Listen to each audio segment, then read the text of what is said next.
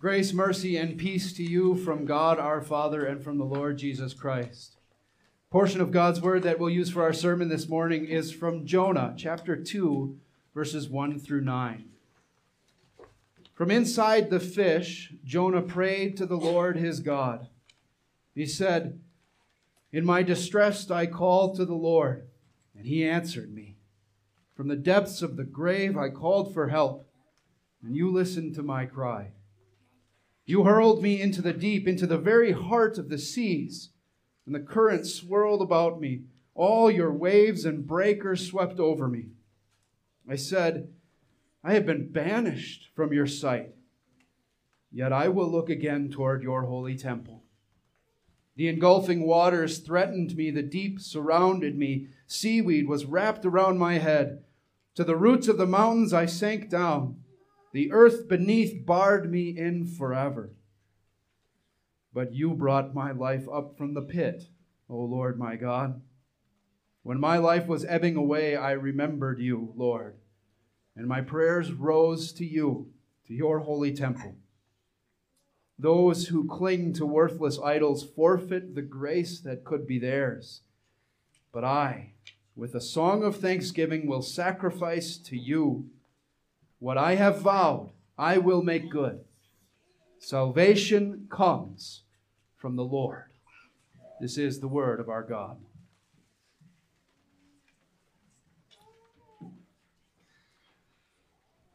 So, did you hear the story about the one armed fisherman? Caught a fish this big. Some people don't get it. that's okay. Because I thought, here, this is a nice, funny joke, but that's me, and uh, maybe you don't think it's that funny. But I don't just tell that joke to kind of loosen you up a little bit before we talk about some serious things here on Easter Sunday. There is actually a connection to our readings this morning, and this is the connection fishing stories. Now, that might sound strange, but just bear with me a little bit here. I'm sure that we have all heard other people's fishing stories before, right? And I'm sure that we've all smiled and shaken our heads and maybe said something polite or maybe even not so polite, like, oh, wow, right? Because what do you know about fishing stories? They are unbelievable right? They're deliberately crafted to seem more amazing than they actually are. They are exaggerated and embellished. They're overstated and overblown. They're full of all sorts of extraneous details and unbelievable details that are really intended to cloud a pretty simple truth when it comes down to it. I caught a fish, right? So, did I ever tell you the story of how I caught a 40 pound walleye? Did I ever tell you the story about how a muskie pulled my rod, my reel, me, and my cooler and my boat under the water, but I wrestled him with my bare hands and threw him onto shore from 200 yards out? Pretty hard to believe, isn't it? Can't you just say you caught a fish? So, did you hear the story about a prophet named Jonah? Who was swallowed by a big fish. If that sounds like the start of another joke, you actually wouldn't be alone in thinking that. This is one of the more familiar stories in the Bible, but it is also a story that has been picked apart and scrutinized and cast aside as this unbelievable fishing story, right? This unbelievable story that can't possibly be true. So, if that's the way that many people look at this story, why in the world would we pick it for our Easter Sunday reading? Well, because there is a simple and straightforward truth that needs to be told here. And in order to do that, Maybe we should start by reviewing some of the details of this story. The verses that we have before us this morning are Jonah's prayer from the belly of the fish, but there's a whole lot that happens before that. There's a whole lot that happens before this, leading up to Jonah actually crying out to God in the depths of his distress and, and coming to his simple and straightforward conclusion. So, Jonah was a prophet. Maybe you know that. He was a prophet during a particularly unfaithful time in Israel's history. The people of Israel had abandoned worship in the one true God. They were worshiping all sorts of other false idols, and they were constantly threatened and overrun by their enemies. So you would think that at this time God would take a prophet and send him to the people of Israel to call them to repentance, but that's not what God does. Instead, God sends Jonah to one of the nations that was threatening and overrunning Israel Assyria, their sworn enemy. God wants Jonah to preach the good news in Nineveh, the capital city of Assyria. Needless to say, that didn't sit so well with Jonah. So instead of going, well, let's see, I got to get my directions right. Instead of going northeast, Jonah got on a ship and went west. The exact opposite direction. He said, Forget that, God, I'm not doing that. In stubborn and silent resistance, he tried to run away from the Lord. Or so he thought. Jonah on that ship actually fell into a really deep sleep and the rest of the sailors, the rest of the crew, found themselves in the fight for their lives as they went through this terrible storm. And they, they cried out with fear. They started throwing cargo overboard. They prayed to any sort of deity, any sort of God that might possibly be able to help, all while Jonah slept. So finally, they wake Jonah up and they learn that it's his unfaithfulness that is causing all of this trouble, that God was sending this because of Jonah and despite their hesitation to do it, they finally follow Jonah's advice and they throw him overboard. And that's where we find ourselves with Jonah this morning. He is thrashed and whipped about by the waves. He is sinking in the surging waters, barred in by certain death. He, he drops to the bottom of the sea and there he is swallowed by a huge fish. Does it sound like an unbelievable fishing story to you? It's not. It's not. And it wasn't just a physical problem for Jonah, it was a spiritual issue too. Everything that he had thought and said and done, all of the lies, all of the manipulation, all of the running away from God was intended to cloud and cover up this simple, straightforward, fundamental truth. Jonah was drowning, not just in the water, but in the guilt of his shame. Listen again to what he says.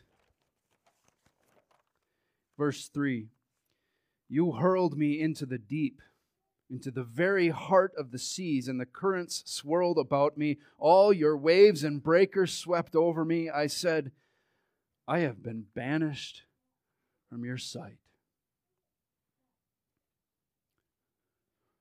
So, did you hear the story about the guy who tried to run away from God?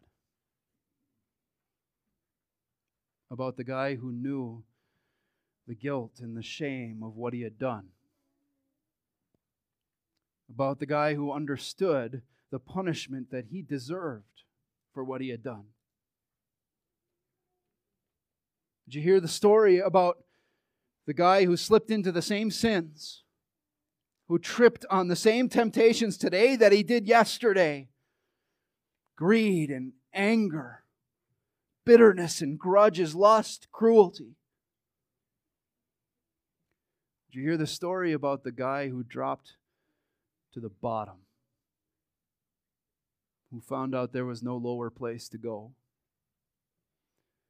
Who learned the awful and terrible reality of hopelessness. Do you hear that story? Because that's not just Jonah, that's my story.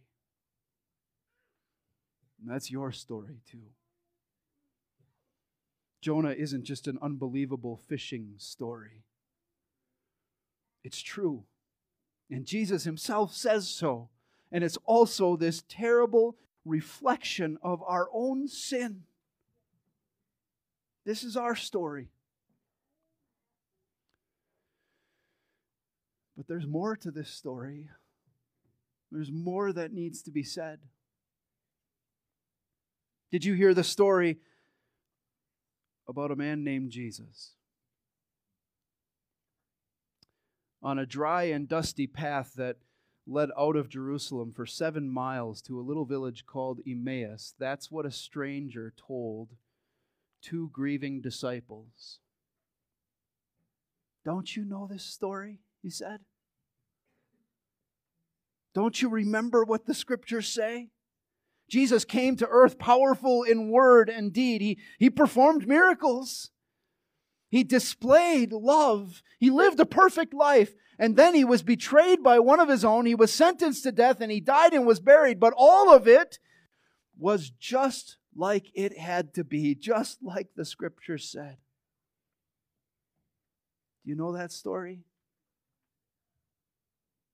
Did you hear the story about an angel coming to an empty tomb and sitting on top of a rock? Because as dawn was breaking on that first Easter morning, that angel came, rolled the stone away, and sat there and told this story to those women who were coming to mourn the loss of their friend. Don't you know this story? He asked. Don't you remember what he said? Yes, he lived and died just like he said he would, but he's not here. Because the point was always to take away the sins of the whole world. And it's done. Don't you know that story? Did you hear the story about a living Lord? Right here. Right in these comfortably padded chairs at church. Your God comes to you right here. And he speaks to people who have watched death take loved ones away from them.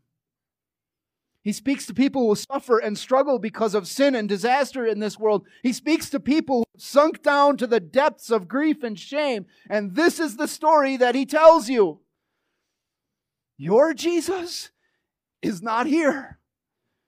Your Jesus has risen. Your Jesus is alive. Do you see now why we use this reading from Jonah for Easter Sunday? Throughout his ministry, Jesus compared himself to one prophet, one prophet. It was not Isaiah, it was not Jeremiah, it was not Elijah or Elisha. It was Jonah, this weak, stubborn sinner. Why would Jesus do that? Why would he compare himself to Jonah? Well, listen to what Jesus says. This is Matthew chapter 12, verse 40. He says, For as Jonah was three days and three nights in the belly of a huge fish, so the Son of Man will be three days and three nights in the heart of the earth. Jesus uses this story of Jonah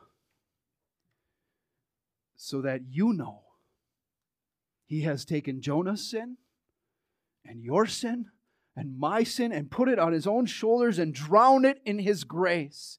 Your guilt and your shame are dead. Plain and simple. Jesus uses this story of Jonah so that you know that you do not have to fear the suffering and the disaster in this world because there is nothing, nothing that your living Lord can't do, can't change, can't heal. Jesus uses this story of Jonah so that you know that death is not your story. Because he has risen, you too will rise. And Jonah gets this. He gets it. Verse 6 To the roots of the mountain I sank down, the earth beneath barred me in forever. But you brought my life up from the pit, O Lord my God. When my life was ebbing away, I remembered you, Lord, and my prayer rose to you, to your holy temple. This is your story now. The story of one whose life has been brought up from the pit. The story of a forgiven sinner, a redeemed child of God and heir of eternal life. And because your story is grounded right here on this Easter Sunday, that means that every Monday is different now. And every Tuesday, and every Wednesday, Thursday, Friday, and Saturday. Because you carry this unshakable joy and comfort with you wherever you go. You carry this story with you wherever you go. And it is also the story that you get to share with others, and it's so much better than an unbelievable fishing story, isn't it? Did you hear the story about what my living Lord has done for me? That's what you get to say to others. You get to bring them to the empty tomb, let them peer inside, and then you get to say, That right there, that means that sin and death are defeated. You get to live in this resurrection joy every day, raising your children in the Word, working faithfully at your job, loving your spouse. You get to see as God raises people to new life right here, right in front of your eyes. As you bring your child to be baptized, you take him to show him God's grace, you lead him to Christ. And then, then you get to talk to others. You get to speak to them. You get to speak to people who are crippled with fear. You get to speak to people who would never want to come to church because they're worried that it's a cruel and judgmental place. You get to speak to people who wonder if things will ever be better, if things will ever change. Yeah, they will. Yeah, they will. And then you tell them the story of a living Lord who brought your life up from the pit. You tell them the story of a Savior who lived and died and rose again for you. This is the simple and straightforward truth that needs to be remembered and told over and over again. And it is what Jonah concludes his prayer with